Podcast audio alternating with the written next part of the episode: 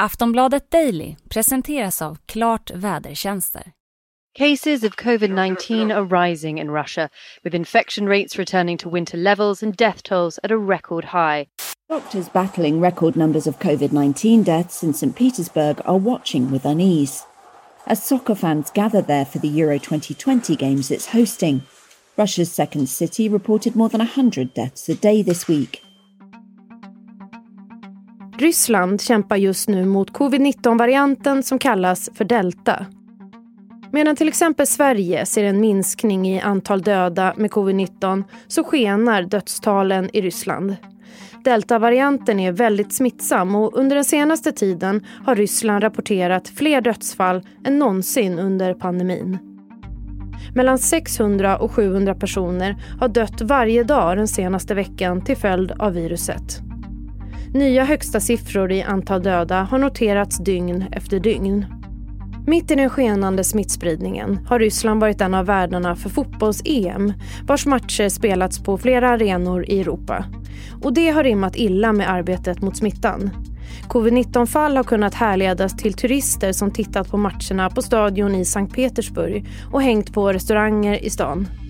Finska myndigheter har kunnat bekräfta att många finska supportrar smittats när de varit i Sankt Petersburg och kollat på landets matcher. Vad kan man säga om Rysslands skenande smittspridning? Varför sker det just nu? Hur jobbar landet mot covid-19? Hur går det med vaccineringen? Och vad säger landets president Vladimir Putin? Och hur hanterar han den vaccinskepsis som finns? Om det här pratar vi i dagens Aftonbladet Daily. Jag heter Amanda Hemberg Lind. Wolfgang Hansson, Aftonbladets utrikespolitiska kommentator, är med i dagens avsnitt. Och han ska börja med att svara på varför så många smittas och dör i Ryssland just nu. Alltså för det första är det ett väldigt stort land, eh, så det är inte så konstigt att de har höga tal på sätt och vis. Eh, men sen är det ju som att de lite grann har tappat kontrollen över eh, smittan. Eh, och det beror ju på att eh, efter den här, man hade en nedstängning på sex veckor, men när den lyftes så, så släppte man i stort sett allting fritt. Eh, och det har ju lett till en väldigt kraftigt ökad smittspridning eh, och som har gjort att Ryssland nu återigen är ett av de värst drabbade länderna när det gäller coronapandemin. Ja, vi kan återkomma lite till det här med restriktionerna. Men kan du utveckla det där lite och jämföra Ryssland med övriga världen angående covid just nu? Ja, alltså där vi ser ju i väldigt många länder, som exempelvis i Europa, så ser vi ju en nedgång i smittspridningen. Eh, och det beror ju dels på att det är en säsongnedgång, så att säga, vi som har, är på den norra sidan av jordklotet och har sommar nu, eh, där blir det en naturlig nedgång av smittspridningen. Och den borde man ju se i Ryssland också. Eh, men där ser man tvärtom en, en kraftig ökning av smittspridningen.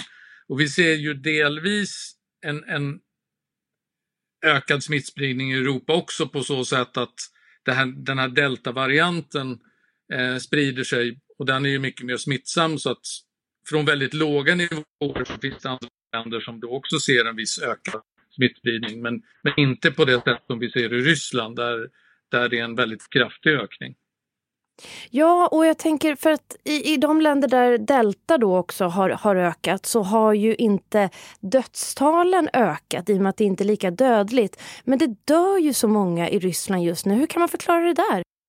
I Europa till exempel, där är ju numera väldigt många vaccinerade. I Sverige så är ju, eh, jag tror att det är i alla fall över 50 procent som har fått åtminstone en dos Eh, och så är det i många andra eh, länder i Europa också.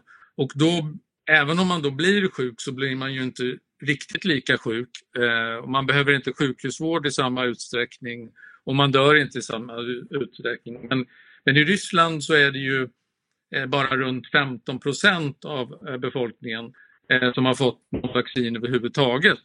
Eh, och det gör ju att när så många är ovaccinerade och smittan sprids, då, då blir ju väldigt många också eh, allvarligt sjuka. Eh, och det är därför vi ser en, en kraftig ökning av dödstalen i Ryssland och också en kraftig ökning av inläggningen på, på sjukhus efter att det hade gått ner eh, under våren. Men du var inne på det nyss, det här med restriktionerna då. Du sa det att de hade restriktioner men sen släppte på. Kan du berätta lite mer om det? Ja, eh, de hade ju så en, en, sex veckor lång period där man hade eh, nedstängt och man eh, skulle jobba hemifrån och eh, man införde tvång på munskydd och, och på vissa platser och sådana saker. Eh, sen när man släppte på det så ökade smittspridningen och nu har man då eh, återigen börjat med lite restriktioner. Eh, exempelvis så, så är det eh, eller det ska inte längre gå att gå på restaurang om du inte har, har varit, blivit vaccinerad eller kan uppvisa ett negativt test. Eh, detsamma gäller en del andra som teatrar och museer och sådana saker. Eh, men det gäller ju framförallt i, i stora städer då som eh, Sankt Petersburg och, och, Moskva. Det är inte restriktioner som gäller för hela, som ska gälla för hela Ryssland. Eh, dessutom så har man då infört tvång, vaccinationstvång för vissa yrkesgrupper att eh, om du jobbar exempelvis inom sjukvården eller i restaurangbranschen eller i andra branscher där du träffar mycket människor och har mycket kontakter så måste du vaccinera dig annars riskerar du att förlora ditt jobb. 60 procent av de som jobbar inom de här yrkena måste vara vaccinerade annars blir företagen tvungna att, att sparka de här personerna. Och det hoppas man ju också då ska leda till att, att fler kommer att vaccinera sig. För det är ändå det som är grundproblemet i Ryssland tror jag, att det är alldeles för få som, som har tagit det vaccin som man trots allt erbjuder i Ryssland, det här Sputnik 5 då. Vi ska strax fortsätta prata med Wolfgang Hansson, men först ett meddelande från vår sponsor. Äntligen är badsäsongen här. Men vilken strand har det varmaste vattnet? Och var blåser det minst? I Klart-appen finns allt du behöver veta inför badutflykten, berättar Mikael Sjöstrand, meteorolog på Klart. Du får vädret just nu, vattentemperatur, UV-styrka samt information om algblomning och vattenkvalitet. På så sätt gör vi att alla får möjlighet att njuta av sköna dopp i sommar. I Klart-appen kan du också rapportera in vattentemperatur på din badplats, jämföra prognoser från olika vädertjänster och mycket mer. Du hittar den där appar finns. Då var vi tillbaka. Det går inte särskilt snabbt för ryssarna med covid-19-vaccinationerna. Hittills har ungefär 15 procent vaccinerats med minst en dos i landet. Men vad säger de siffrorna då? Jo, vi blickar ut lite i världen, så häng med nu. I Sverige har just nu ungefär 60 procent fått sin första dos covidvaccin. Och det är strax över genomsnittssiffran i övriga EU som ligger på runt 50 procent. Den som leder vaccinationsligan är Israel och sist kommer afrikanska kontinenten. Men tillbaka till Ryssland då. Alltså procentuellt sett så är det ungefär fyra gånger så många som vaccinerats i Sverige jämfört med Ryssland. Varför går det så långsamt? Vi ska höra vår utrikeskommentator Wolfgang Hansson igen. Dels handlar det om att man har svårt att få fram tillräckligt med vaccin, vilket ju är precis samma problem som vi ser i, i västvärlden. Att eh, eh, det finns inte produktionskapacitet helt enkelt för att tillverka eh, många hundratals miljoner doser som, som krävs. Eh, men jag tror att den främsta orsaken är ändå att det finns en enormt utbredd vaccinationsskepsis i Ryssland. Och det beror ju på att man inte litar på myndigheterna där överhuvudtaget. Man har, man har sedan liksom väldigt lång tid tillbaka en väldigt låg tilltro till vad myndigheterna säger och att bara för att myndigheterna säger att nu är det så här så är det inte automatiskt så att man tror på det. Och väldigt många ryssar tror att det här vaccinet det innehåller andra saker som gör att myndigheterna kan kontrollera dem. Det är inte verksamt eller det, det är bara en bluff eller eh, det finns väldigt mycket olika eh, typer av sådana här konspirationsteorier som ju finns även i Västeuropa men inte alls i samma utsträckning. Jag menar här kanske det är 10-15 procent eh, som är väldigt skeptiska till att ta vaccin. Eh, men i, i, Ryssland så är det bortåt 60 procent som säger att de inte vill vaccinera sig. Och det blir ju en enorm skillnad ifall man ska försöka skapa någon slags flockimmunitet eh, hos befolkningen. I, I Ryssland och många andra länder som har en stark ledargestalt så är det ju viktigt hur ledaren positionerar sig i vaccinfrågan. Och nyss har vi fått veta att Vladimir Putin har tagit ett vaccin. Vi har dock inte sett det på film vad jag förstår, utan, men man har hört det i alla fall, men det är inte filmat. Men vilken betydelse kan det här få då att Putin ändå säger att han har tagit vaccinet? Eller har det någon betydelse alls? Ja, så det skulle ha väldigt stor betydelse tror jag om, om han visade på bild att han verkligen tar vaccinet. För det är ju det folk vill se. Att han säger att han har tagit vaccinet, det är ju inte alls samma sak. Eh, och dessutom ska vi komma ihåg att när eh, ryssarna var ju bland de första med att få, få fram ett vaccin, det här Sputnik 5, och börja använda det redan innan eh, man hade eh, genomgått alla de här testerna och kontrollerna.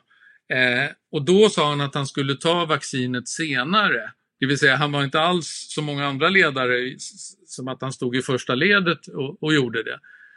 Eh, så det tror jag också har bidragit till att ryssarna är, är, är skeptiska.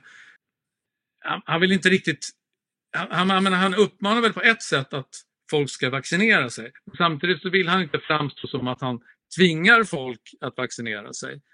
Eh, och det gör ju liksom att eh, han, han vill på något sätt tillfredsställa, eller han vill liksom vara kompis både med de ryssar som vaccinerar sig och de som inte vill vaccinera sig.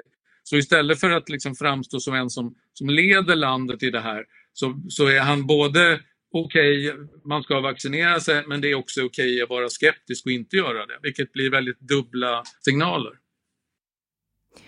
Ryssland arrangerade flera matcher under EM och trots att smittan ökade så hade man fortsatt matcher på arenan i Sankt Petersburg. Uefa menade att smittoläget det påverkade inte upplägget. Men finns det någon diskussion om det här i landet och, och någon kritik om hur det har hanterats? Ja, och framförallt så finns det väl en diskussion utomlands eh, där många tycker att eh, det in, inte bara när det gäller Ryssland utan många av de här EM-städerna, inte minst London då där man har haft 40 000 nu på eh, Wembley, att, att man tar en för stor risk genom att samla så här många människor på ett ställe. Eh, och kanske särskilt då i ett land som Ryssland där så få är vaccinerade. Och vi vet ju att en del av de svenska supportrarna som åkte till Sankt Petersburg, eh, de visade sig ju vara smittade. Om de blev smittade där eller om de bar med sig smittan dit, det vet man väl inte.